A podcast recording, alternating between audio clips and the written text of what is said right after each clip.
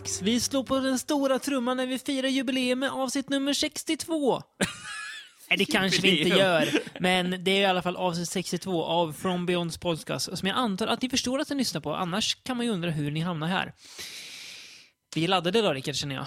Extremt laddade. Vi har mycket, mycket fint att gå igenom idag. Vi eh, rör oss enbart i Europa den här gången. Ganska koncentrerat till eh, Sydeuropa, skulle jag vilja påstå. Eh, ja, Ja, Ett, en, en avstickare i England har vi. däromkring. Ja, Ja. ja. Ja, det Utöver det, där så är vi bara i typ södra-ish Europa. Belgien, Spanien, Italien, Ja. typ. Ja, Turkiet lite grann också. ja. Mm. Yes, idag ska vi prata om vampyrer. Eh, och som ni säkert förstår så är ju inte det eh, varken moderna vampyrer eller ens eh, Dracula-vampyrer egentligen, även om Dracula är väl med på ett hörn kanske. Utan det är alltså europeiska vampyrer och då får man ju räkna med eh, saker man kanske inte ser i andra vampyrfilmer. Mm. Eh, det kommer vara ganska mycket kvinnor tycker om kvinnor eh, i den här podden. Eh, det kommer vara väldigt mycket visuellt godis. Och eh, det kommer vara mycket bra atmosfär. Det kan vi väl säga redan nu utan att spoila allt för mycket. Till och med i den sämsta av filmerna är det, finns det ändå atmosfär. Eh, Det finns allt det här som jag i precis sa i princip. Mm. Ja, eh, och vi börjar med att röra oss, vi kommer främst att hålla oss, vi kommer bara hålla oss på 70-talet, förutom den första filmen vi går igenom, som är från 1960.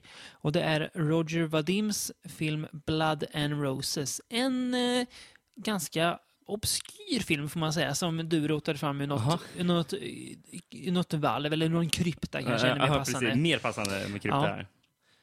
Ehm, baserad på... eh, Sheridan klassisk- Lebanus Carmilla, en klassiker ja. Ja, det ska väl Ja. vara en klassiker, Ja, det- Caramilla. där. Jag har läst på någon litteraturkurs som jag inte, som jag inte läser klart, som står som icke godkänd på mitt, eh, på mitt besked på antagning.nu.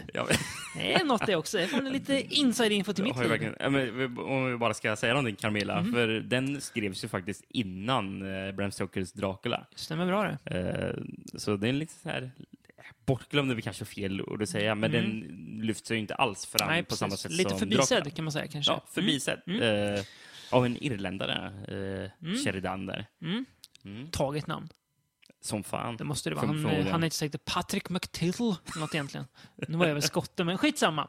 Nog om Jag vet inte Blood- vad du var, men... Nej, inte jag heller. Blood and Roses i alla fall. Eh, och den handlar då om den här familjen Karnstein som då är eh, familjen som det handlar om i Carmilla också. Eh, som, vi får följa huvudrollen då, Carmilla Car von Karnstein, som väl är typ den enda kvarvarande ättlingen av familjen. Hon bor eh, själv, typ, verkar det som, eh, i ett eh, stor, eh, stort slott, typ. Eh, och eh, hon förstår ju att hennes familjs historia då spelar ju ganska stor roll eh, för hur hon uppfattas idag. För att bybefolkningen nära tittar ju snett på henne och tror att det finns vampyrer i eh, i kyrkogården som ligger eh, ganska nära där. Mm. Att det finns, eh, om man gräver upp och öppnar graven där så kommer, det, kommer liken vara helt orörda och eh, se levande ut. Och Carmilla då har ju drömmar om en ättling. Eh, Mir, Kalla. Mirkalla eller Marcilla Mirkalla är det, just det. Ja, jag, jag, Mirkalla. jag blandar ihop de här, eh, het, vad heter det, eh, antonymer. Nu tappar jag ord, det borde jag, jag, jag kunna med tanke på mitt, mitt yrke som språklärare. Antonymer. Jag vet inte vad det heter. När man, när man kan, eller palindrom kanske? När Palindrom. Man kan, ja, När man när man kan om. kasta dem, ja. Precis. Precis. Ja. Eh, Carmilla i alla fall känner sig dragen till en mystisk, av en mystisk röst eh, som hon drömmer om och hör när hon går runt och eh, beger sig då till en gammal krypta efter en fest. Hon är lite butter på att hennes liv inte verkar gå lika bra som alla andras. Eh, och frågan är bara om det verkligen är samma Carmilla som kommer upp tillbaka ur, kryptan. Mm. Och varför har hennes händer plötsligt blivit så kalla? Mm. Ja, eh, det här är ju som jag sa ganska obskyr. Jag känner att redan ganska fort in att den är väldigt tragiskt obskyr. Den är väldigt fin att titta på. Mm. Jättesnyggt fo- foto på den. Ja, eh, väldigt bra och väldigt melankolisk så här fin piano och harpa är det mycket. Eh, står till och med vem som spelar harpa i början, minns jag. Jaså, Harp by något, något namn. Eh, väldigt fin atmosfär i övrigt, ganska så här eh, den här sorgliga atmosfären som passar många vampyrfilmer eh, väldigt bra. Eh, Mm. Så det förstår inte varför den här inte har, hur den här kan ha hamnat så under kryptan, man ska Ja. säga, om vi ska använda det ordet en gång Ja, men- till. Ja, Precis, men för den känns ju lite mer eh, arthouse kan man väl säga. Mm. Ehm, Lite fin i kanterna. nej, den, är, den är lite fin i Inte kanten, särskilt trashig. Nej, definitivt inte. Kan man inte säga. Nu, nu, nu hör det dock till att vi såg en klippt version av den här filmen. Mm. Ehm, den är släppt, som vi såg väl typ en amerikansk utgåva. Mm. Och det saknas ungefär 11 minuter av den. Ganska mycket. Det är ganska mycket faktiskt. Mm. Eh, Men vad jag, jag förstått det så är det typ lite... eh, Alltså grejer som kan vara lite stötande för den amerikanska publiken. Ja. Lite, li, lite naket Alltså och na- sånt. naket, ja. eh, är, naket är väldigt farligt. Våld går bra, men naket är farligt. Mm. Precis. Eh, ja, det här är ju en eh, väldigt gotisk, mysig film också. Det är ju alltså eh, nästan en deluxe-version av go- gotmys. Det är ju ja. kryptor, det är slott, det är mycket rökmaskiner, det är mystisk voice-over, det är eh, långsamma tagningar, det är eh, ett gött aristokratliv på landsbygden där man egentligen inte gör någonting. Man eh, driver runt lite, man har väldigt storslagna fester, sjukt påkostade fester där folk springer runt i maskeradkläder och man anordnar stora fyrverkerier bara för den här festen. Det är, ja, nej, men det är, det är gott mys deluxe alltså. Det är väldigt trevligt att titta på. Och gillar man eh, hur eh, Hammer ibland nästan till överdrift kan gå på myten om sig själva som, som Gotfabriken Mm. eh, så är det här... Då är det alltså- väldigt tilltalande. Ja, Eh, precis. Och nu ska jag säga att vi gillar ju när Hammer gör det, men det är, man kan inte säga att de in- inte går på myten om sig själva ibland. Men eh, det, vi tycker om att de gör det. Det, Ja. det är bra att de gör det Ja. Eh, Roger Vadim går väl inte på så många myter om sig själv, för det är det ju väldigt tidigt. Det här är väl i samma veva som Hammer börjar göra, lite efter L- lite efter. ja, sina Dracula-rullar. Så Men det är ju men- vet- vet du när den 58 första- tror jag. Den första? Första eh, Hammer Dracula kom. Mm. Horror of Dracula. Ehm, så att det är ju i den vevan, man känner av den här tidsandan. Corman också gjorde ju samma grej borta i USA eh, och Hammer gjorde det för fullt man säga i England och Ja. eh, gjorde sig lite på kontinenten också om man nu kan kalla det här för det. Den här är, kanske är engelsk den här. Den här filmen du menar som engelsk kanske? Nej, eh, Nej. den här är väl fransk, Ja, det ser man. Ja. tror jag den är. Roger Vadim hade Roger franskt. Ja. Eh, Jag vet Eh, inte Nej, hur man ska uttala hans namn nej, egentligen nej, för att vara va- korrekt. Roger Vadim. Nej, men den är väldigt, alltså man märker av tidsandan och det är ju väldigt mysigt att titta på. Det väldigt fina, starka färger. Det här som man, som jag i alla fall, av rent amatörmässiga skäl kanske slänger ur mig kallar för Technicolor, fast jag inte ens vet om det är, men Nej, men eh, man, Det- man förstår vad man ja. pratar om. Då. det låter bra att säga det. Nu du, har vi lite trivia här eh, som, som jag precis kollade upp. För jag, jag tänkte, vad, vad fan är Roger Mm. Vadim från? Han är Mm. fransman. Ja. Är han. Och jag blev lite eh, överraskad av, han har skrivit Barbarella, Jaha, ja, filmen. ja det Eh, man. Mm. Så ja, Ja. det var lite... Ja, han jobbade både inom got, och inom kitsch alltså. Mm. Den gode Roger Vadim. Ehm, den här filmen, alltså det, den har ju den här voiceover som man pratar om. En voiceover kan ju lätt bli, när den inte är gjord bra, eh, då blir den ju väldigt töntig och väldigt eh, känns påklistrad. Men i den här filmen, trots att den kommer ganska liksom pang på utan att man fattar riktigt var den kommer ifrån, så bidrar den hela tiden till atmosfären för att han eh, han gör det väldigt snyggt tycker jag, Vadim med voiceover. Mm. Den ligger där som någon slags, inte, inte en berättande voiceover, utan det är någon slags, ska man säga, spänningsskapande voiceover som, eller voiceover är fel ord, men en röst som pratar till huvudkaraktären i hennes huvud liksom på något vis. Ja, men det passar bra in här, gör det. Mm, det är det. Väldigt eh, atmosfäriskt. Sen tycker jag det är väldigt snyggt också hur de gör att eh, Carmilla, när hon eh, kommer tillbaka från kryptan då, och det är något med henne, så att hon fortfarande behåller sin väldigt oskuldsfulla, får man säga, look. Hon är blond och hon går runt i in, enbart nästan vita kläder. Det blir Mm. en väldigt snygg kontrast att hon spelar den här alltså mystiska, eh, ja, nästan mörka varelsen eventuellt. då. Precis. Att man inte kör det besatt av den här anden, kalla. typ. Precis Av, eh, väldigt snyggt gjort att de inte kör något så här, alltså, ja men det blir en vä- väldigt snygg kontrast. Att filmen ofta, alltså, eh, spelar mycket med ljus också och gör det väldigt snyggt tycker jag. mm. Eh, Ehm, jag tänkte, du som ändå har läst den här boken för jättelänge sedan, alltså, ja, så, så, kan vi som, prata? som den här baseras 2010 på. kanske? 2011? Ja. Har, har du något minne ifall den stämmer överens någonting i handlingen? Är den väldigt fri? Jag tror den är halvfri. Jag för Mm. mig att det är något att det är ju något att en, en Carmilla upptäcker en gammal släkting mm, som heter Mirkalla som man inser, ja, våra namn är väldigt lika. Det är Mm. något sånt. Jag Så tror det den utspelar sig i. Italien den här va? Eh, ja, det kanske den gör. Eh, tror, tror jag. Mm. Och eh, originalet ska utspela sig i Styria, som är en del av Österrike. Ja. Eh, det kör man. Det kör man. Men ja, det är Mm. bara det jag vet vad som Mm. skiljer sig egentligen. Ja, nej, jag- så, för, för min del kunde det egentligen vara identiska handelsmässigt, men det Mm. tror jag inte att det är. Vad jag Nej, fattar. jag satt faktiskt och tänkte på det, men jag kun, kan väl inte säga helt ärligt om jag Minns hur det är. Men jag tror att det inte är jättelikt faktiskt. Jag Nej. tror det är halvlikt. Eh, Jag tycker att mot slutet av den filmen, när, eh, ska man säga, när det verkligen börjar hända saker, den är ganska, ganska långsam filmen, men det är ju för att det är mycket mys och mycket atmosfär, så eh, blir det många väldigt snygga och ganska, vad ska man säga, pretentiösa på rätt sätt. Ja. Visuella effekter. Eh, lite så här synville-grejer, lek med vinklar, lek med färgsättningen. Det blir svartvitt en gång. Mm, det blir svartvitt när de är i ehm, det här i, Ja. eh, växthuset i alla fall. Då, Ja. då, är det svartvitt Ja. där, när de upptäcker Förutom- varandra där inne. Förutom en färg då, och det är ju färgen röd. Mm. Det är väldigt snyggt gjort. Så att Mm. man ser ju att, eh, som vi kommer komma in på, flera av de här regissörerna är väldigt duktig visualist. Han är duktig på att eh, måla upp en väldigt snygg bild, men också fylla den med nog mycket innehåll för att man inte ska bli trött på att det bara är yta heller. Ja. Så det är väldigt bra, tycker jag. Ehm, så det är en väldigt eh, finstämd, ganska sorgsen film som vinner mycket på sitt visuella. Den, alltså det, den lutar väl sig till största del på det, för att handlingen är ganska enkel, eh, men drivs sig framåt genom att eh, liksom vara väldigt, ska man säga, mystisk. för Ja, att Precis, använda jag, jag tycker ju film, filmen drivs av sin atmosfär. Liksom. Det, Precis. ja, så, så, det, det, är ju ingen snabb film vi pratar om. Det här Nej. är en så kallad slow burner. Det är ett ord vi kommer återkomma till den här podden, känner jag. Det är mycket sådana filmer nu. Ja. Mm. Nej, men väldigt fin. Eh, ska vi gå vidare? Ja. Hoppa ungefär ett decennium framåt. 70, uff, ungefär. Ett. Eller? 71. Till och med, ja. Mm. Till Belgien då. Och eh, Harry Kumels Daughters of Darkness, eller som det nästan, jag måste bara få, få säga det, originaltiteln Le Lèvre Rouge. Det är så Le fint. Lèvre.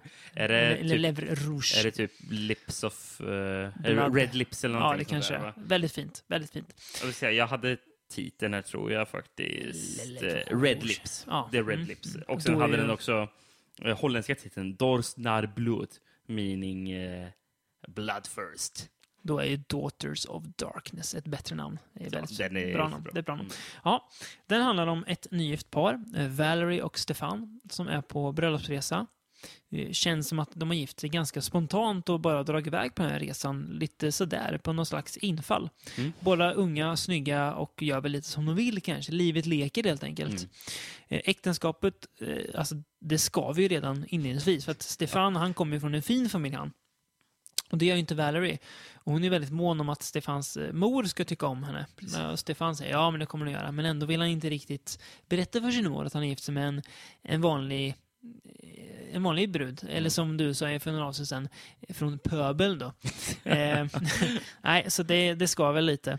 Eh, men ja, de, eh, de har det rätt bra ändå, i alla fall i sänghalmen verkar det som. De, de, de ligger rätt mycket. Eh, Det kan man säga. Ja, på kvällen, eh, efter att de har checkat in på ett hotell, så dyker grevinnan Bathory upp helt plötsligt. Bathory. Och det vet man ju vem det är om man har koll på sin mytologi. Eh, hon dyker upp på hotellet och servicemannen då där i eh, kassan eh, på hotellet, han känner igen henne. För han, men hon har ju bott här för 40 år sedan. Då Och han var en liten bellboy. Precis, och det är inte så anmärkningsvärt kanske om det inte vore för att hon ser precis likadan ut. Mm. Och hon avfärdar det här som att det är hennes mamma, tror jag, eller någonting Ja. och säger. Eh, men man får ju såklart aning om att så är det inte riktigt. Eh, grevinnan och hennes följeslagare, kanske man ska kalla henne för. Ilona. Ja, precis. Mm. Verkar djupt fascinerande av det här gifta paret då, Valerie och Stefan. Och samtidigt som eh, stämningen byggs upp mellan de här två eh, udda paren eh, så hittar man flera vackra unga kvinnor döda runt om liksom i Europa, ganska närliggande det här Mm. hotellet. Och det som är anmärkningsvärt är att de är tömda på blod, de här Mm. kvinnorna. Ja, eh, den här filmen, eh, det första vi får se är ju faktiskt en sexscen. det är ganska fascinerande. och in i det. Dock straight och ganska smakfullt gjord ändå. Det är inte, inte slis, den är ganska, alltså, vad smakfullt gjord. Åt båda håll. Ja, men alltså det är, det, är, det, är, det är varken för mycket visa upp vad tjejen har eller för mycket visa upp vad killen har, som det i och för sig aldrig är. Men, eh, så det är ganska snyggt gjort. Ehm, och jag undrar ju när jag ser den här filmen och flera filmer efter den här, att finns det någonting snyggare egentligen än europeiskt 70-tal rent visuellt? Ja, det, den här filmen ser ju helt fantastisk Ja, det är ut, så, alltså, de, alltså jag, vad, vad höll de på med då? Mm. Allt, alltså, när man tänker på liksom hur mycket så här, fin italiensk film och spansk film man har sett, det, det, allt var så snyggt. Mm. Det, Och det är ju intressant, den här Underbart. filmen, även den här filmen skulle man ju nästan kunna säga passar också in i någon slags arthouse. jaha, Eh, Mm. som, det är inte enbart kanske för skräckfilmsälskaren. nej. Kanske inte ens riktat på skräckfilmsälskaren Nej, eh, nej. egent- egentligen. Den Nej. är våldsam, den. Ja. den, eh, Och, Blodet men- flödar. Ja, precis. Men Mm. samtidigt är det ju... Väldigt snygg och väldigt långsam. Långsam och, är ja, den och- Man får ju liksom ge den tid för att liksom växa på en. Och, Och det är jättebra skådespelare i Ja, den. Här. det det. Det till och med mindre roller Mm. som gör väldigt bra. Mm. Det, det, han, han, eh, vi nämnde han, han som jobbar på hotellet. Mm. Tycker jag. Han, han är bra. Liksom, till och med lilla- han är bra. Till och med han, ja. ja. precis. Till och med han är ah, icke anmärkningsvärd roll. Liksom. Skumme polisen som är med är bra. Ja, just det. Han, han som Mm. cyklar i... Han, Ja. han, han som skulle jaga Ja. deras bil med cykel. Jag tycker det är... Det är. Eh, man kan ju undra... Det finns ju två saker som är lite fräna med filmen. Och delvis är att, att Baffery faktiskt är på turné. som våran gode vän Victor säger ibland, att när man, när, när man går runt så är man på turné. Eh, alla som tar den här referensen förstår att Baffery har aldrig turnerat. Men den här grevinnan då, hon drar ju runt i Europa får veta. Hon eh, stannar på lite ställen lite då och då. Hon har varit i Monte Carlo här får vi veta Mm. bland annat. Eh, och sen kan man ju undra om Stefan och Valerie är så jäkla bra för varandra. Varför de gift sig för? Det är lite oklart. Stefan är ju ett... Svin. Han är ju ett as, ett riktigt as. Alltså, Svår att tycka om. ja, redan när de här två eh, vackra, får man ju säga, kvinnorna kommer till hotellet så alltså, han äter ju upp dem med, med ögonen framför Valerie. Mm. Han äter ju upp henne, henne med ögonen Ja. också. Eh, så att det är ju som att han, han får inte nog av sin redan rätt så fina fru. Utan han vill ju ha mer, verkar det som. Både grevinnan Battery och Ilona då, vill han ju, Mm. verkar han ju vara sugen på om man får lita på hans blickar. Men eh, det är ju inte, det är inte honom grevinnan vill åt, utan det är ju snarare Valerie hon Precis. är lite nyfiken på. Ja, ja. Där har vi ju återigen den här lesbianismen som Ja. är ofta förekommande i filmer vi kommer att prata om idag. Nästan i varje, inte riktigt alla, men riktigt väldigt alla, ofta. men de Ehm, en, en, en grej som bara måste sägas om den här, Mm. eh, som, jag märkte redan första scenen Mm. som, eh, hon, hon, som hon dök upp. Uh, Delfin som spelar Ja. Baffery. Yes. Så otroligt fängslande att titta på. Hon Ja. är så otroligt bra. Ja, hon är så här, på något sätt så här, lite så här klassiskt skönhetsvacker. Mm. Alltså så filmstjärne vacker. Alltså man tänker sig att hon skulle ha kunnat gjort, gjort film på, på 30-talet, liksom. Mm. Den här klassiska Fay skönheten liksom, Ja, precis. säger. För- då, vet ni, för- första scenen när hon pratar Mm, med han vet ni, mm, som jobbar på mm. hotellet. um, var helt fängslad och Mm. bara okej, nu, nu är vi inne i den här filmen. Mm. Liksom. Det är, Mm, men det har att göra också med att hon är, alltså hur hon nästan lyser i sin, hon är väldigt blek. Eh, väldigt blek eh, hy och blont hår eh, mot liksom ganska mörka kläder hon ofta har. Så det är liksom, hon lyser ju upp också Mm. alltså, hur de har valt att framställa henne visuellt på film också. ehm, Plus hon är en eh, väldigt bra skådis också. Hon, ja, hon precis. fångar den ju väldigt med sitt sätt att vara. hon kommer ju från en slags arthouse, uh, Mm, vet den här film... eh, kan man ju säga. eh, ja, men alltså, hon har varit med, med väldigt många sådana filmer Ja. innan. Till exempel Louis Buñuels... eh, vad heter den? Eh, Eh, the discreet charm of the bourgeois. Borgarklassens diskreta charm va? Ja, precis. Just så, det var den Ja. svenska titeln jag sökte Och, efter. eh, Men även- surrealistklassiker. Kan det vara Rainer Werder Fassbinder som har gjort eh, I fiol i Marienbad? Nu får väl Arthouse-älskarna slå mig på fingrarna om jag Ja, fel, men jag har mig att det är Det Fassbender. kan säkert vara. Den är ju på något vis i någon slags gränsland mellan dåtidens alltså Grindhouse, den här europeiska Grindhouse, eh, och eh, Arthouse-världen liksom. Den, den har fötterna i båda två. Den är ju... Den har ju snusk utan att vara slisig. Men den är också liksom nog alltså, så här, rakt berättad utan att vara för arthousig också. Mm. Så att den vilar på något vis i båda... Den är ju väldigt enkel att hänga med ändå. Ja, den är det. Den, Ja. den liksom lurar aldrig bort den. Nej, det är inte mycket handling, men eh, det är fortfarande nog, liksom så här, eh, nog mycket för att hänga med och hålla Mm. en intresserad. Men det är, inte, det är aldrig särskilt avancerat eller för sningelsnårigt. Ja, men, nej, precis. Den blir ju aldrig liksom så här flummig på något Nej. sätt. Eh, Det, Nej. Det är också väldigt, alltså, jag sa att den var lite snuskig, och den är ju väldigt stiliserat, alltså på så sätt att det är väldigt, som jag sa i början här med sexscenen mellan Valerie och Stefan, det är väldigt smakfullt ofta. Eh, även om det är nakna människor så känns det aldrig som att det är bara för att sälja in på nakenheten. det, eh, det här känns aldrig som typ exploaterande. Nej, precis. Nej, men det är det jag menar. Det ju, och det är ju för att det är så stilfullt gjort. Ja, liksom. och sen har det, här... det, det känns som att man tittar på ett konstverk. Ja, exakt. Den har ju en erotisk laddning som inte nödvändigtvis innebär att vi får se folk ligga med varandra. Nej. Utan det kan räcka med att, och det beror ofta väldigt mycket på eh, Delphine Seyrig som spelar eh, grevinnan Bathory, att hon, alltså hennes sätt att titta på människor är väldigt laddat. Alltså Mm. blickarna är väldigt, man ser det är där, alltså det är liksom gnistor som slår där. Och bara det plus liksom hur filmen ser ut och musiken och alltså kameran, allting gör att det blir en väldigt laddad stämning utan att det är snuskigt. Mm. Så det är väldigt snyggt gjort hur man gör det väldigt smakfullt och eh, faktiskt med finess. Mm. Eh, och det är samma här som i eh, Blood and Roses, att det är också någon slags stillsamhet och ganska dyster atmosfär över filmen som kulminerar väldigt snyggt i slutet. Som är, det händer ganska mycket så här snabbt, Ja. men ändå så passar det filmens generella atmosfär på något vis. Och man använder färgen röd väldigt snyggt också, Mm. och som en slags röd tråd om man får vara lite sån. Tänkte du färgerna som um, Bathory var klädd i? Det Nej. var nästan bara rött och svart. ja. Och, eh, ja, vilken var den tredje färgen? Men, Blod och natt och något mer. Då. ja, men en tredje färg. Men, Ja. men, eh, Guld att, har hon någon gång, eller typ, nej, typ, typ silver har någon gång. Ja. någon sån här klänning som, som glittrar. Just det, det hade hon. Ja, Men, mm. men det var någon, någon annan färg jag tänkte på, men Mm. som var de dominanta färgerna Ja, hon klädde sig ja. också. Och det, och det läste någonting om att det var ett medvetet val för att det var typ nazistiska färger. Jaha, att de ska vara lite så här... Ja. Någon slags koppling där. Liksom det, okej. Det är coolt. Ja, nej, men Mm. det, är väldigt, det känns väldigt genomtänkt och väldigt väl regisserad film i överlag, Daughters of Darkness. Så den rekommenderar vi verkligen.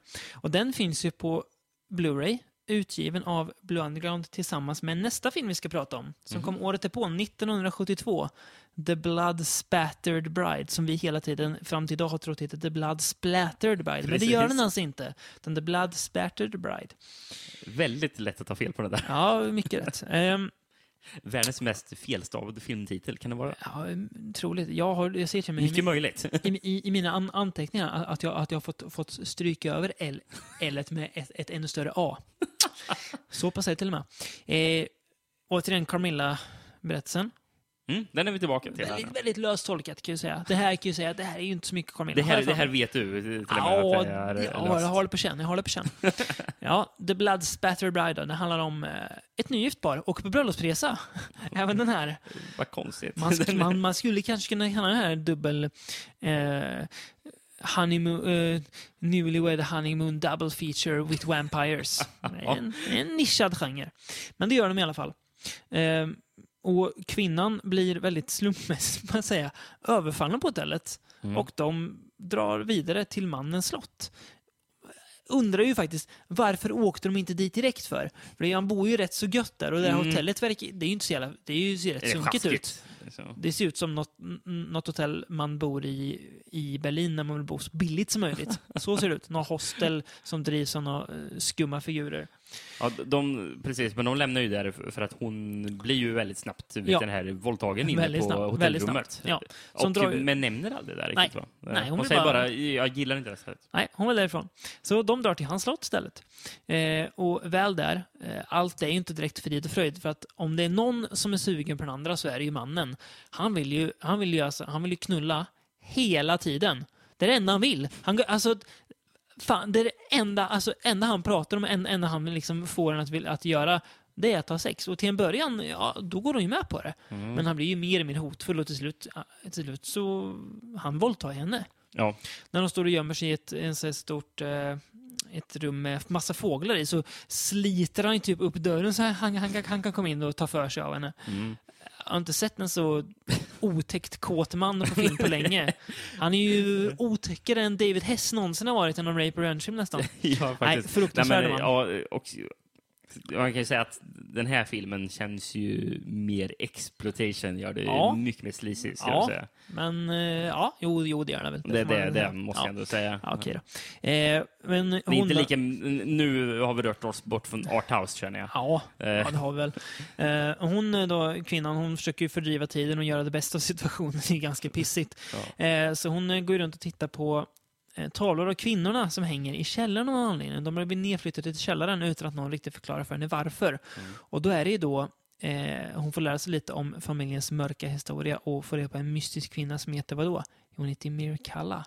Och om hon kan ha något med den här mörka historien att göra. Och det dyker så småningom också upp en kvinna som heter vadå? Hon heter Carmilla.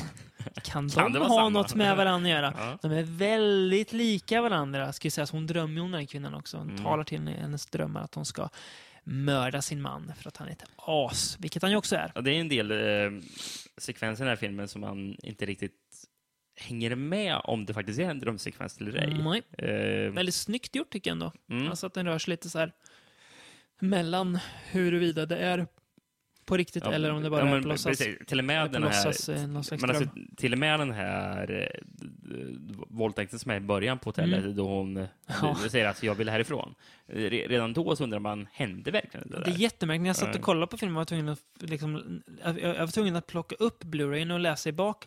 Men det här står det inget om. Ah, ja, jag tittar vidare. Ja, det är jättemärkligt, för det, det, det, liksom bara, det, det bara händer. Ja, för, för hon går Från in... ingenstans. Hon, hon går in i hotellrummet. Ja. Först, bara, första, Ja. hon, först, första hon gör hon går in i hotellrummet, går runt bara och sen så, så öppnas eh, garderoben och det är en maskerad man som kommer ut och eh, river av henne kläderna. Och sen så vet ni, hoppar, hopp, hoppar man till att nej, jag vill inte vara här. Jag tänkte först om det var hennes man, men det var typ, nej det var det inte. Men vem, vem var där då? Ja, ja. Det, det, Ja, det får man aldrig veta heller. Nej. Du sa att den här filmen inte är arthouse. Om man bara tittar på de fem första sekunderna ska det vara arthouse, för då citerar man Platon direkt i Ja. början. Slänger man in för att göra det lite fint i kanterna. Ehm, ja, nej, men eh, det är ju väldigt eh, random i alla fall. Och det här är ju mycket sex i den här filmen, men det är ju ganska... Det är ju ganska eh, ja, det känns ju inte så bra när de har sex. I alla fall inte efter ett tag, för att han, ja, som sagt, han eh, hoppar ju på henne och ja, gör saker hon inte vill göra. No någon gång när han, till och med när han, eh, hon står i, de är typ ute och går i skogen och han klättrar upp på någon sten och sliter henne i håret. Typ nästan Ja, drar upp henne på stenen och sen tvingar henne att suga av honom. Det är minst från ingenstans. Det är bara, jaha, vilket jävla as. Kan, alltså, ja, nej. Det är jättekonstigt. Ja, det märks. Det- Han är ju lite äldre än henne, verkar det som. Mm. Eh, riktigt praktsvin till make. Ehm, alltså det är ju, jag, jag, jag tror jag gillar den här lite mer än dig. Jag tycker att den är väldigt snygg. Jag hade lite svårt att ta, ta till mig den, eh, Ja. måste jag säga. Det- Ja, den är ju inte lika liksom finessrik som äh, Daughters, verkligen inte. Den är snygg, tycker att den är lagom egen i vissa mått. Den, man känner igen många motiv och så, men jag tycker ändå att den gör ganska, saker ganska snyggt. Att den, den här dröm och verklighetsblandningen blir ganska effektiv, tycker jag. Eh, plus att den bjuder på filmhistoriens mest tydliga overkill i slutet också. Tänkte du på det? Mm. när en karaktär får, ja, bite the dust, så är det verkligen bite the dust Ja, ordentligt. verkligen. Med ett hagelgevär. Ja, och det är inte bara ett skott som avfyras, Nej, kan, vi ju, kan vi ju spoila.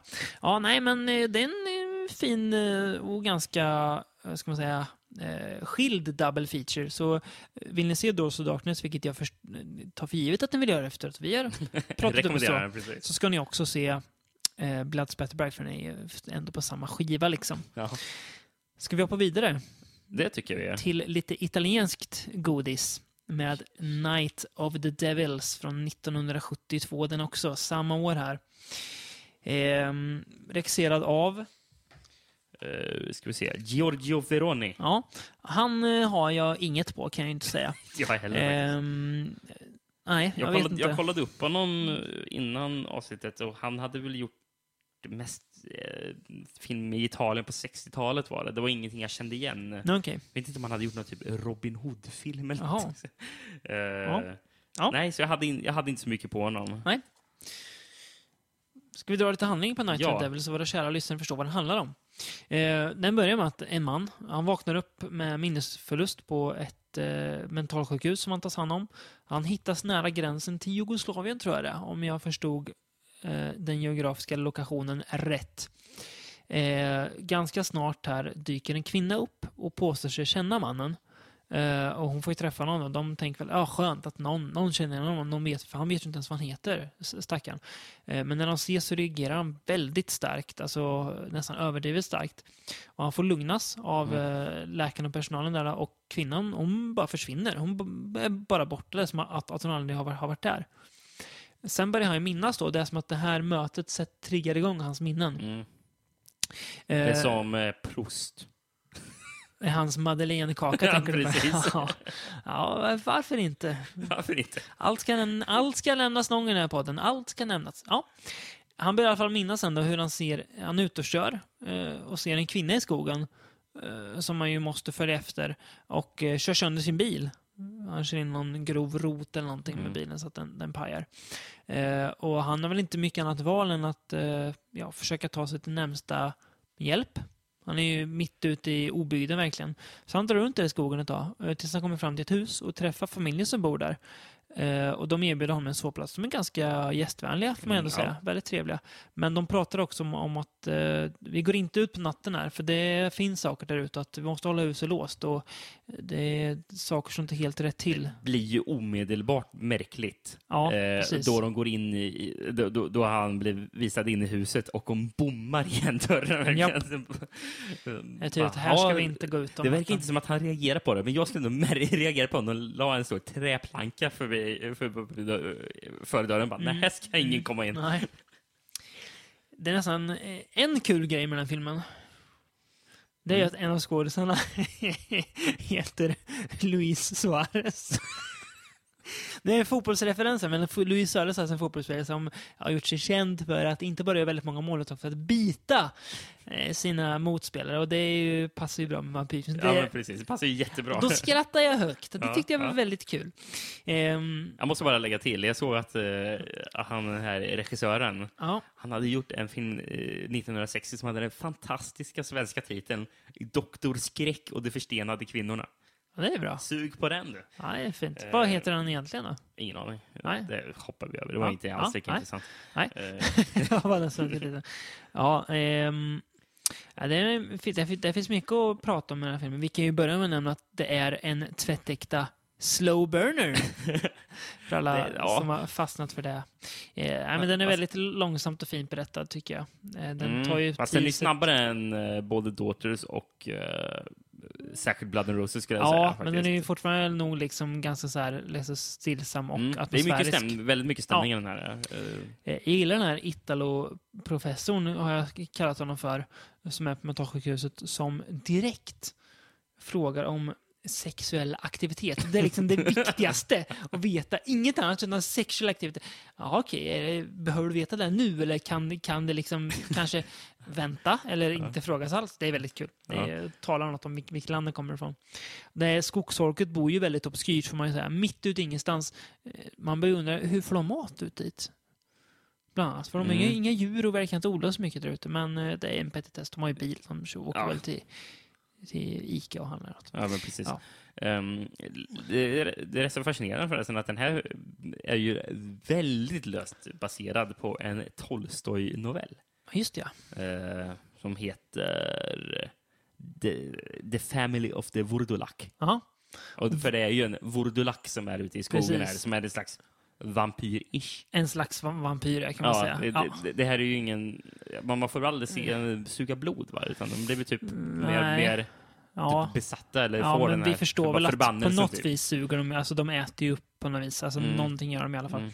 Men de blir ändå spetsade med, av en påle. Ja, precis. Så det Eh, finns ju vampyriska drag. Precis. Eh, Men eh, jag läste om det här, var det Vurdulak kom ifrån. Och det, Mm. det är väl typ någon typ vampyr-ish eh, slash varulv. Det är, det är lite så osäkert var ordet kommer ifrån. Men det är väl från mer ryska trakterna. Lite best of monster alltså. Best of monster, Ja, precis. ja.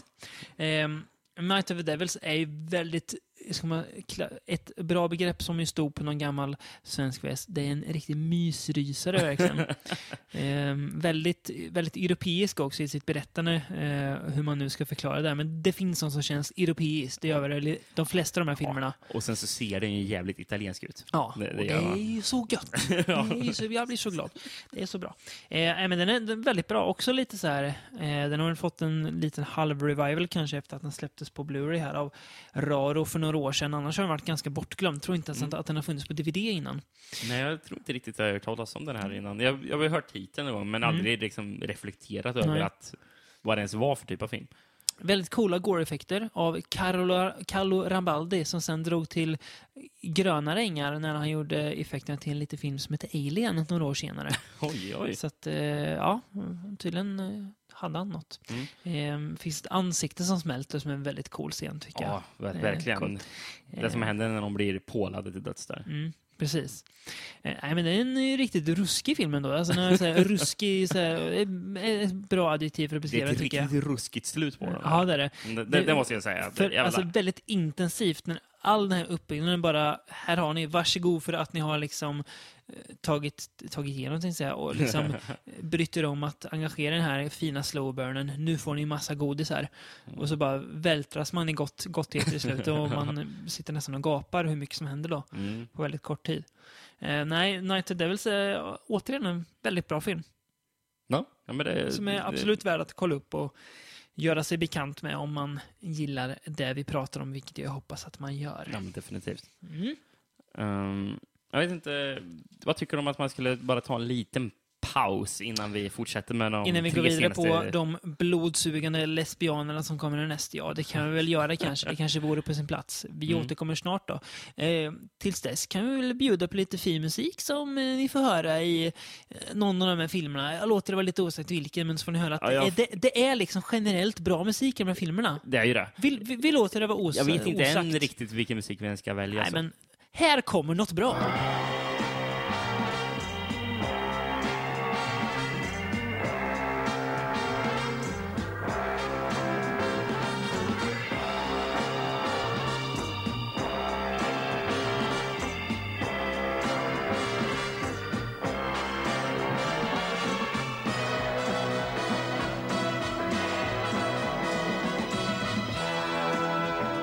Ja, så där. Det var väl inga dumma toner det där inte. Det var lite sväng från en, den sista filmen vi ska prata om sen. Ja, ni, Eh, ni, ni förstår ju att det är en Franco-film, så ni kan säkert förstå att det var en Franco-film. Musiken var ifrån också. mm.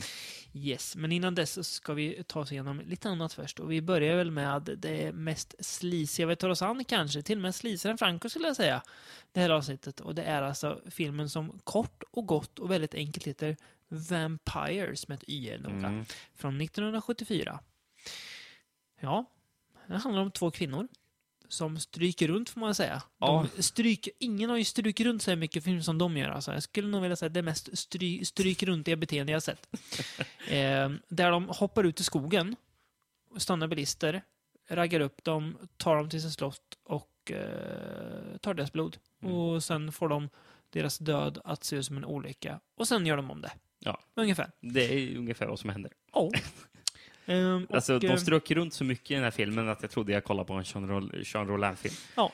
Eh, Fast eh, inte lika bra kanske. Eh, inte lika snyggt eller något. Ehm, nej, för det här är kanske inte så Nej. det jättefascinerande. är ju också någon slags sidostory om ett par som bor i husvagn i nära till. Ja, det är väl de som egentligen är själva huvudpersonerna. Ish! Ish! Ändå. Ish! Där bruden är eh, helt säker på att det är något konstigt med det här slottet som de här två br- brudarna, eh, vampyrerna bor i då.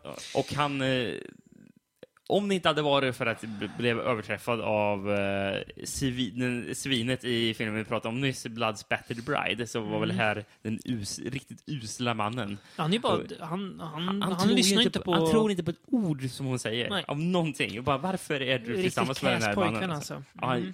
så jävla usel är han. Ja. Alltså, och, och hon, när hon vaknar upp, nej, hon, eh, hon har vaknat upp mitt i natten, den första natten hon sover i husvagnen, Hon ser jättetydligt hur en hand eh, slår mot husvagnsfönstret. Japp. Och hon skriker till så han vaknar upp och bara Vad skriker du om? Mm. Bara, det, var, det är någon här utanför. Han slog en hand mot fönstret. Jag bara, nej, du drömde.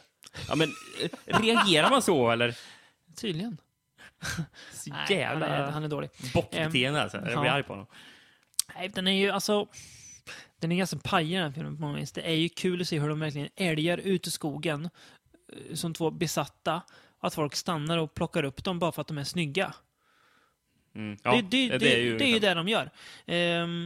D- den här filmen får ju dock till dess cred att den döljer ju inte vad den är. Det är ju pang på med lesbianism ganska tidigt. väldigt tidigt. Mm. Eh, och det den gör bra, ändå får jag säga, det är att det är väldigt fint att kolla på den brittiska landsbygden. Det är ju, Det är ju det är ljuvt med det pittoreska, så man vill ju bo där. Ja, och det var det här jag menade med att det var en brittisk Ja. film. Ja, jo, jag förstår. Även ja, fast jag- regissören jag inte förstår är nu. britt. Nej, spanjor tror jag. Ja. Eh, sen, jag tycker att filmen utnyttjar miljöerna rätt bra. Eh, Att den gör ju verkligen mycket av att nu har vi, nu har vi fått tag på coola miljöer här, nu filmar vi skiten ur dem. Mm. Den är Men filmad, det, det är ju det filmen gör. Också. ehm, den är ju filmad i, Oakley Court. Det är, Ja. det är mycket Hammer-filmer filmades. Jaha. Eh, är? Ehm, så, så det här typ slottet, eller vad säger her, herrgården som de hänger i, liksom, den, det, det huset kan man se i Hammer-filmer. Okej. gör. Det ser man. Ja, är- jag är inte förvånad. Men det är ju inte mycket mer än yta i den här filmen. Det är ju det är mycket snusk, eh, mycket lesbianism, det är mycket snygga miljöer. Eh, ja, that's Det är it, inte typ. jävla mycket mer, nej. Nej, det är ju inte det. Och det blir ganska tråkigt i längden att kolla på faktiskt. Mm. Ja, Ehm, vä- väldigt långtråkigt. Jag Mm. var kanske med eh, halv, halvt in i filmen och sen så började jag, jag tappa intresset för Ja. jag insåg att det här trampar bara vatten. ja. Den Eh, här eh, ena bruden där, skådisen Anulka, hon var egentligen Playboy-modell tror Mm. jag. Eh, man kan ju inte beskylla henne för att ha särskilt många, många repliker inledningsvis. Hon är väldigt tyst väldigt länge. jag tror hon, eh, Fran, som är den andra vampyren, Mm. också har varit med modell. Ja. Hon, eh, Ja, jag inte, det, det ser ut, alltså inget ont om dem så, men det ser ut som att de har blivit castade eh, eh, alltså bara för att de är snygga. Det tror jag också.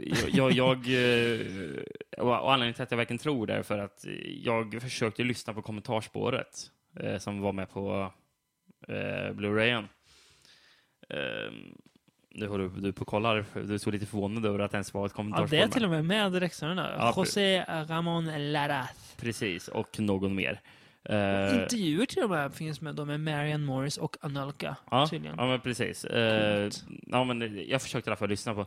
Jag tror jag klarade av 25 minuter typ innan jag stängde av. Mhm. Han är så motbjudande, regissören är han. Jaha. Eh, han är, jag, jag tyckte typ mindre om filmen efter jag lyssnade på de här 25 minuterna. Eh, han, han, nej, men han var, han, var, han var riktigt äcklig att lyssna på när han, när han, då han pratade om de här två hu, alltså huvudpersonsvampyrerna, liksom Anulka och hon, ja, vad hon hette den andra. Marianne Morris, ja. Mm. Ja, precis. Och han pratade sen nedvärderande om Marion Morris för An Anulka, ja, men hon var ju ändå snyggare. Liksom sånt där. Ja, nej, han var, han, var, han var rätt så äcklig att lyssna på. Så Ja. jag bara, nej, jag klarar inte av det. här. Det talar väl lite att Underground har valt att sätta en quote från Playboy Magazine på omslaget. Det talar rätt så mycket om filmen, måste Ja, jag säga. nej, men det man får ge filmen och det är att jag skulle också gärna dricka rödvin från Karpaterna. Ja, nej, den här filmen missar väldigt många möjligheter, men det kanske har att göra med att, de, att den hade ett, eh, ett sexistiskt as till regissör. Då. Mm. Ska man väl inte säga att Europa på den här tiden var fritt från eh, snuskiga gubbar, men eh, man behöver kanske inte göra det så tydligt. Nej, men precis. Men, eh, nej, men jag lyssnar ju lite på kommentarsspåren och såg lite intervju med, eh, med, med Harry Kummel som gjorde Daughters of Darkness. Mm. Liksom bara, ja jävlar, det är en del naket i den här filmen också, men han fick inte alls det bilden av som jag fick Nej. av den här José, eh, Nej. gubben. Eh, så, nej. Ja. Ja, nej men eh, stämningsfull. Men inte mer. Men absolut inte Nej. mer, så den kan man ju lätt hoppa den här filmen. Ja, om man inte nödvändigtvis vill se tjejer ligga i en och en halv timme. Och det kan man ju göra på andra sätt i så fall, om det är det man är ute efter. Ja, ska vi gå med oss med verkligen lite mer classy får man säga. Nu, Ja, nu nu blir vi ju pretentiösa, för nu ska vi prata Werner Herzog, kära Werner lyssnare. Herzog. Det gör vi inte särskilt ofta alltså. Nej. Klaus Kinski pratar vi ofta, men inte Werner Herzog så jätteofta får man ändå säga. Eh, och det är då hans ja, remake och remake, men vi säger väl remake. Ja, men det är ju ändå en remake, skulle jag säga. Ja, på ett sätt. Av då Nosferatu. Reimagining. Precis. Mm. The Vampire, som den heter. Eller Phantom der Nacht Mm. på tyska. Snygg titel. Ja, 1979 då, så är vi i 70-talets solnedgång får man ändå säga. Det handlar då om Jonathan Harker som eh, åker till Transylvanien. Han får jobb av eh, Renfield faktiskt här, typ. Mm. Eh, för att sälja ett hus då till greve Dracula som bor där. Eh, och frugan då, ehm, Mina, Eller är det Lucy i det här Lucy, fallet? jag blir Nej, nej, osäker. jag- för de, det, det är tvärtom. Vad Lucy det är det, tror jag. Precis, för, Ja, det, just det. för, det, för det är väl Mina som Ja, han är är tillsammans med Ja, i boken, va? Just det, Lucy, de, ja. de har, han, han, han har switchat på de två rollerna. Precis, yes. ja, eh, och hon eh, tycker inte om, hon känner på sig och nej, det här är inget bra. Men han liksom måste, han har ju inte så mycket val. De har ju inte, de är inte så täta och behöver pengar. Så han drar redan samma dag. Resan tar fyra veckor totalt. Eh, Och på vägen dit så stannar han vid ett värdshus där de reagerar starkt på när han säger att han ska till Transylvanien, då, till greve Dracula. Ingen vill hjälpa honom att ta sig dit, ingen vill ge honom skjuts eller någonting, så han, han går. Tills han blir upplockad helt plötsligt av en Mm, häst och vagn. Ja, precis. En droska som kör honom då till greve Draculas slott. Han kommer fram, men allt är ju verkligen inte som det ska med den märkliga greven då som spelas av en väldigt obehagligt sminkad Klaus Kinski. Som eh, ni märkte där så beskrev ju David handlingen med namnen eh, Renfield och Dracula eh, etc. Mm. Och det är för att eh, jag skulle och det jag menar, jag tycker det ändå är typ en remake av eh, F, FW, Mun- Murnås eh, eh, Nosferatu från, vad är det, 22 den här Ja, jag tror det. Eh, för Symphony des Grauens. Ja, precis. Eh, Bra för titel. den delar ju... eh, Alltså, den är ju... Alltså, rena scener är ju tagna rakt ur den filmen. Här Ja. är bi- bildmässigt liksom. Ja. Och vet ni, Klaus Kinski är ju sminkad för det ser ut som Ja. Max Schreck. Max Schreck, ja. Eh, men, men, men där, där den skiljer sig är att den använder faktiskt namnen från Bram. Stokers Den är Dracula. ännu mer tydligt kopplad till eh, Dracula, or- originalberättelsen. Mm. en an- Anledningen till att den för 22 använder sig av andra Mm. namn är ju för att eh, Rättighets... de fick inte rättigheterna. Nej, precis. Eh, för eh, Bram Stokers änka levde ju. Mm. Hade de rättigheterna. Hon vill inte släppa på dem inte. Nej, nej. Nej, men nu behöver vi inte prata eh, mer eh, snåla änkor eller eh, tyska expeditionister. Vi har ju så mycket att säga om den här istället. Mm. Ehm, kan det vara den bästa Dracula-filmatiseringen någonsin? Mm, Ja. Jag funderar på det. Det, Jo, och det jag det tror väl. att det är så. Ja. Säg en som skulle kunna vara här, här uppe. Mm, Nej, precis. Det är ju det jag menar. Det finns ingen. Jag Ehm. är ju faktiskt en som tycker att eh, eh, Coppolas Bram Stokers Dracula är svinbra. Men den är inte så här bra. Nej, nej det, det, Men det jag är tycker, att, eh, det- jag tycker den är kraftigt underskattad faktiskt. Tycker den är. Ja. Eh, Mm. ja, ja, fick jag säga det också? det tar vi en annan gång. Det kan vi, kan vi bråka om. Jag ska se om jag kan kalla den käre Kristoffer att backa upp mig. Ja, Han, gör, han backar ju säkert dig. Han Ja, hoppas det. jä- jäkla... Aj, aj. Ja. Nej, men eh, du nämnde förresten Renfield där. Ja, han känns inte pålitlig. Han, eh, när han pratar med Jonathan Harker i början så har han ett väldigt sätt att säga skratta så här obehagligt Vansinnigt hela tiden. liksom. Ja, han så det ler och tittar runt och hela tiden. Mm. Han är uppenbart tokig. Jag hade inte litat på honom en sekund. Men eh, det kanske man gjorde på den här tiden. Ja, Han, han, han spelas ju är av. Roland Topor, eh, som är en författare. Jaha. Eh, som skrev berättelsen som Polanskis Hyresgästen baseras på. Där ser man. Där Och ser man. hon som spelar Lucy Yes. är ju med i den filmen. Nu glömmer jag hennes namn. Ja. Isabella Gianni. Precis. Det. Som blev tokig efter att ha gjort Possession och försökte ta livet av sig. Mm. Så det var en rätt så intressant koppling där Ja, också. verkligen. Det här är ju...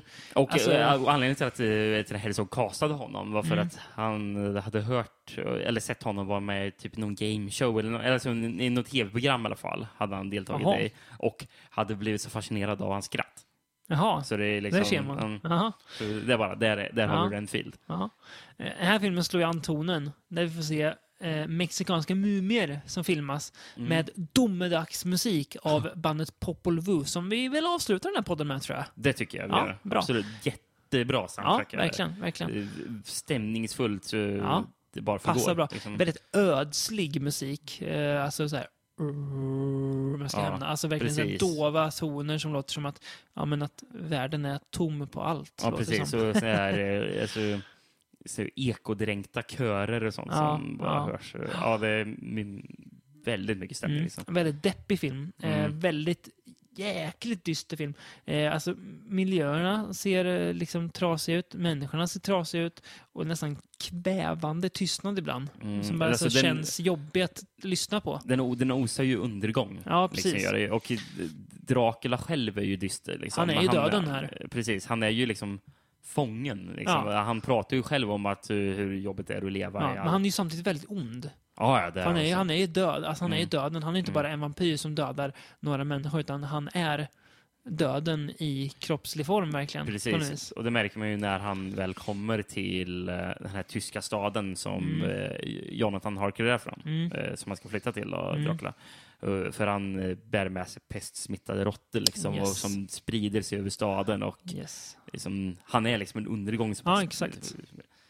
Djävulen på något vis. Ja, men precis. Ja. Jag tycker Kinski, som ju är en eh, obehaglig figur i sig med allt han har gjort både på och utanför eh, den vita duken, är ju upphöjt till 10 här nästan. Han är Mm. sminkad så alltså, otäck ut alltså. Max Schreck ser ju nästan mysig ut jämfört med hur Kinskis eh, graf Dracula ser ut. Mm. Eh, ser ju sjuk ut. Han ser ju, alltså, men det är som att han är eh, den här pest, alltså, pest, sjukdomryttaren från Bibeln då. Ja, när han ja. kommer med, som kommer med undergång.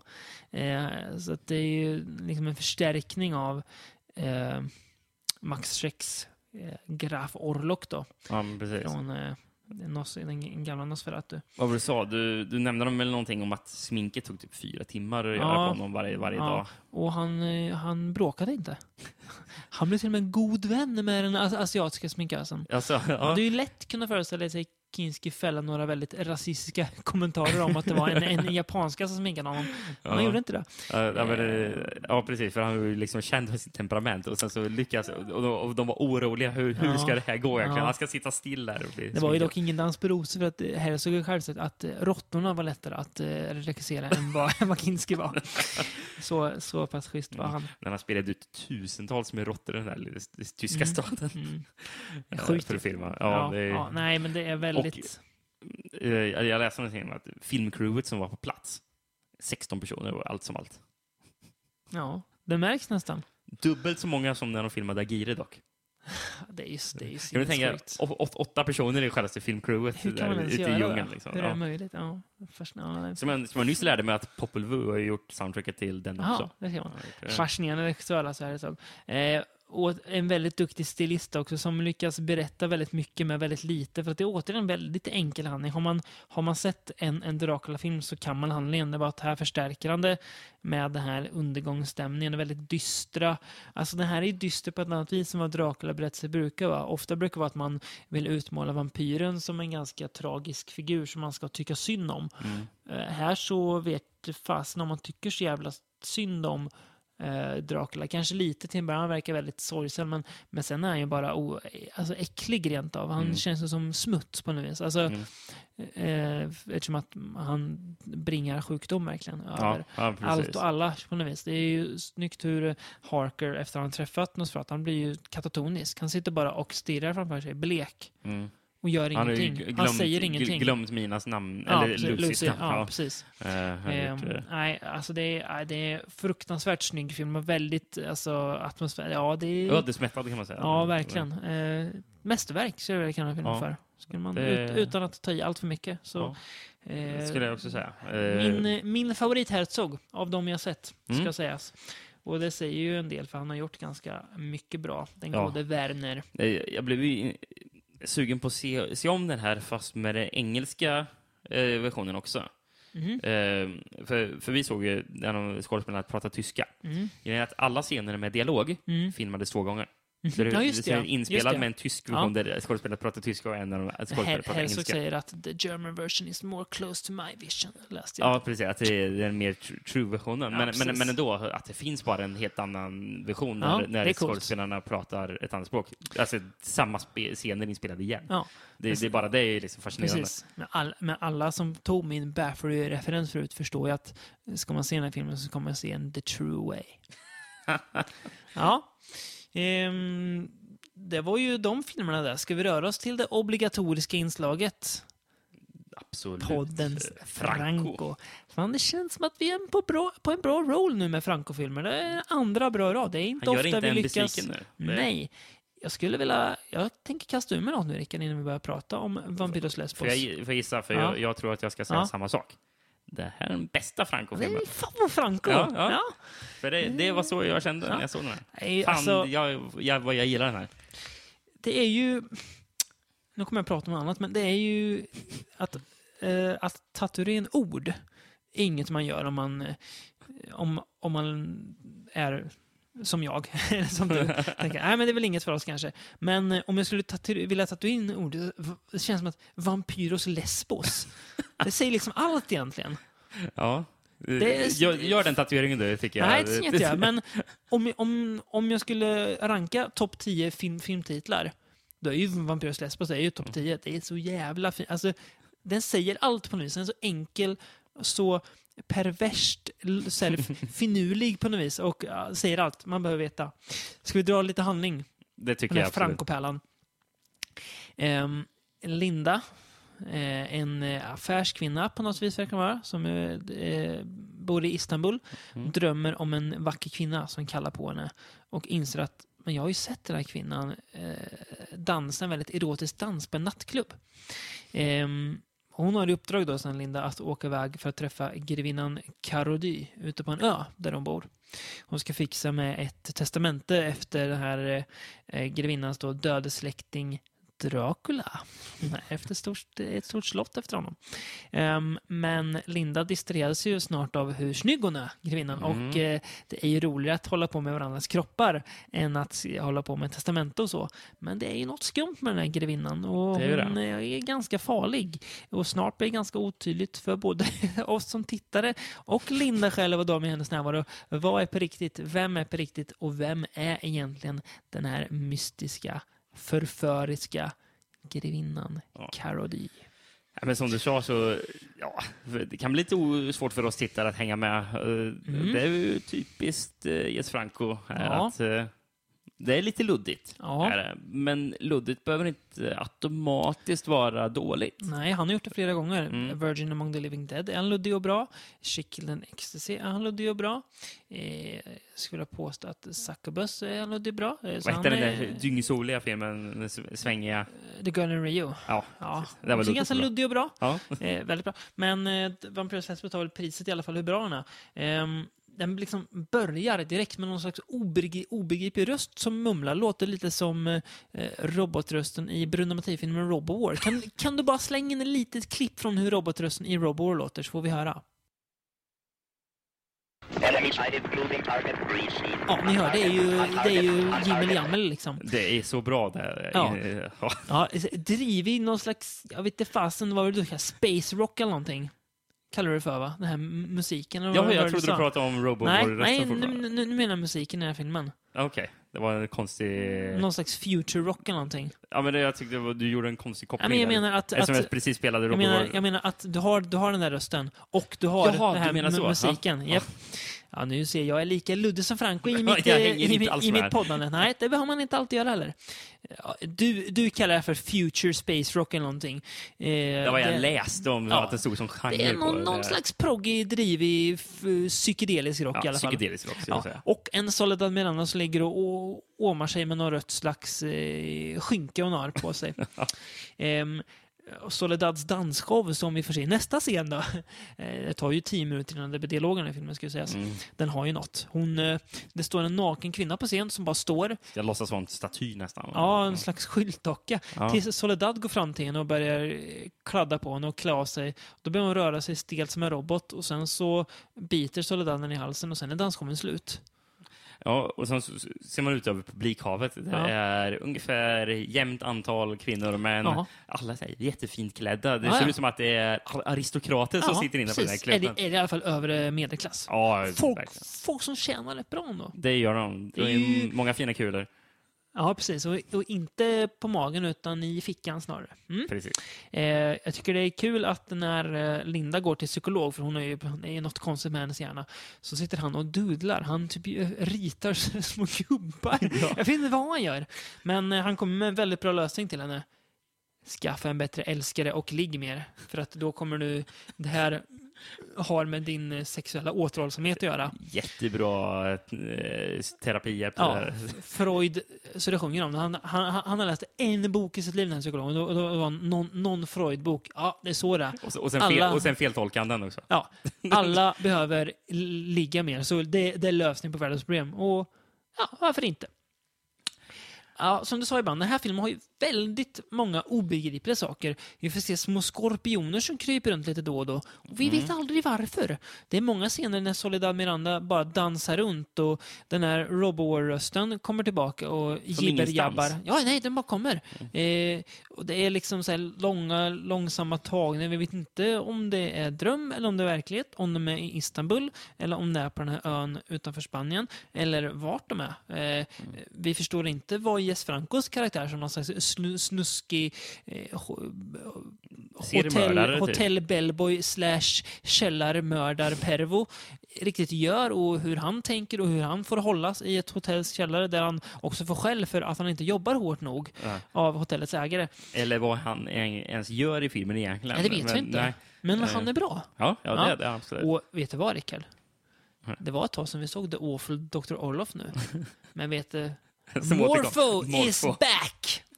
Karaktären Morpho, det måste ju vara samma fast en moderniserad version. Ja, det är konstigt. Han, Ja. varför, varför skulle han ha Ja. två karaktärer i två Också helt olika filmer som heter Morfo? en stum hejduk.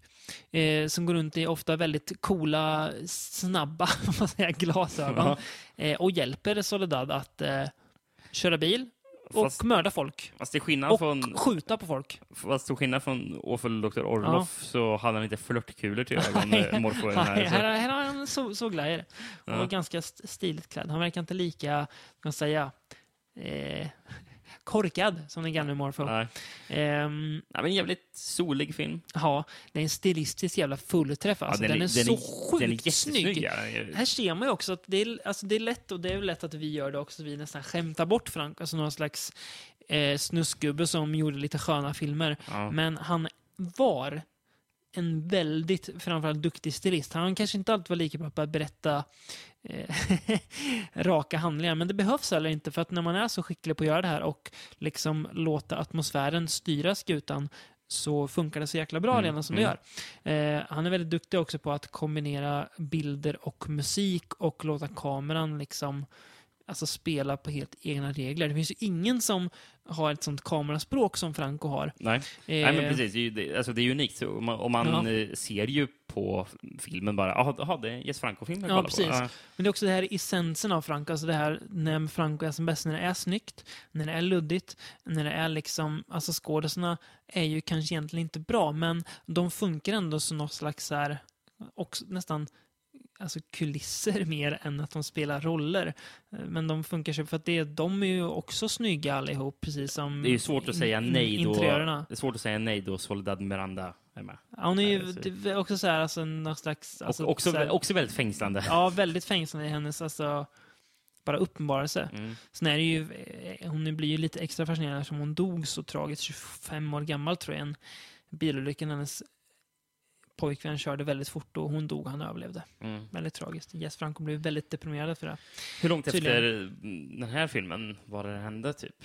Vet du det? Eh, Jag vet om det här är sista filmen de gjorde tillsammans. Nej, de gjorde She Killed Ecstasy efter Okej, den här. ja. Eh, Mm. Den här faktiskt, eh, vad vi ser, jag jag skrev ner, den filmades mellan 1 juni 1970 och 10 juli 1970. Så ni, Ja. tio dagar Ja, eh, filmades den på Mm. och en månad senare så började de redan spela in Children Ecstasy. ja okej. Ja. ja, men de, de är väl några filmer där ihop. Mm. Men eh, ja, nej, hon dog ju tidigt 70-tal och sen träffade jag Lina och mig och hon blev hans nya, Mm. hans nya musa då. Eh, det här är ju, vi har ju ett soundtrack som är fantastiskt som ni hörde förut. Det är ju, ja, det här vill jag äga på vinyl. Jag får ge mig ut och leta. Jag kan betala dyra pengar för det känner jag redan nu. Det är så väldigt bra.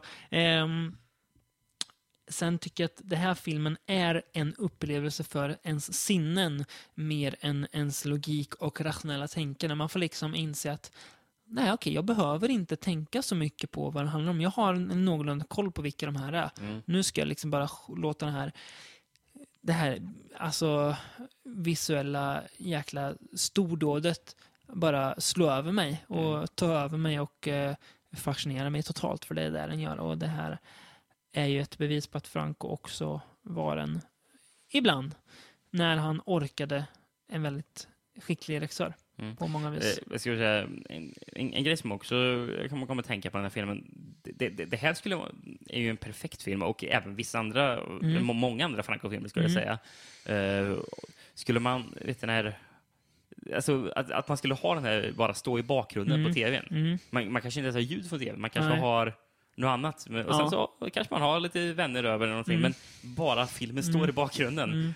Jätte, det skulle passa jävligt bra för det här Mm. tror jag faktiskt. Jag tror bara som sagt bakgrundssväng som, Mm. som, som händer. Man, Som finns där, man, ja. man, v- v- vänner som på säga, jaha, ja, nu eh, dansar Soldat Miranda. Ja, vad trevligt. Igen. Vad Ja, härligt. precis. Ja, ja, precis. Lite som att man sitter på den här nattklubben och röker och dricker whisky och kollar på henne på riktigt. Kan man göra det hemma lägenheten? Kanske inte röka inomhus, det är inget bra, men det Nej. andra kan man göra. Men, eller eh, titta på, oj, nu vänder man och nu vet den här eh, Morfo där med sina Ja. snabba solglasögon. Eller, eller, den, eller Franco som mördar folk i källaren. Ja, precis. Ja. Nej, ni har ju den här filmen har det mesta faktiskt. Och Vampyrus Lesbos är väl hittills den bästa Franco-filmen vi pratat om. Mm, det tycker jag. Eh, Och är där uppe med hans bästa stunder så det är bara att ni köper den väldigt fina Blu-rayen som finns från våra älskade vänner, kallar jag dem nu utan att ha sagt problem, från Severin. Älskar det bolaget, de släpper så mycket härligt. Jag tycker om dem väldigt mycket. Eh, det var väl det vi hade för europeiska vampyrer den här gången, kanske. Ja, Eh, vi är ju inte klara med vampyrer än. Vi har ju stora planer på att prata mycket vampyrer framöver. vi har många Vi kommer avsnitt. prata om framöver. Christopher Lee som vampyr. Vi kommer prata om Hammers andra vampyrer. Vi kommer prata om Amerikanska. amerikanska vampyrer. Eh, kanske kommer prata om mer vampyrer också, men eh, vi får se. Det finns så många blodsugare på ute att det är svårt att krama in i bara en, två eller ens tre eller fyra poddar. Så vi, men vi kommer tillbaka. Eh, men nästa gång kommer vi prata om någonting som verkligen inte är lika visuellt storslaget som det här, får jag anta. Det är väl antitesen till Nej, storslaget. vi tycker ju om att göra uppföljare, även om vi är dåliga på det. Vi har egentligen bara gjort det en gång och då, det var när vi återvände till djungeln och led ganska mycket. Förutom när vi njöt lite i Cannibal Holocaust 2, som vi trodde skulle vara dålig. finns ju viss risk att vi kommer lida den, även den här ja, gången. fast det här gången kommer lidandet vara skönt. Det kommer vara en, en skön masochistisk upplevelse. Och det är alltså att vi återvänder till det ljuva, extremt obskyra, fascinerande landet där Shot on Video-filmen befinner sig. Så nästa gång är det alltså dags för Death on Video Part Part two. 2. Tack för att ni lyssnat. Hej då.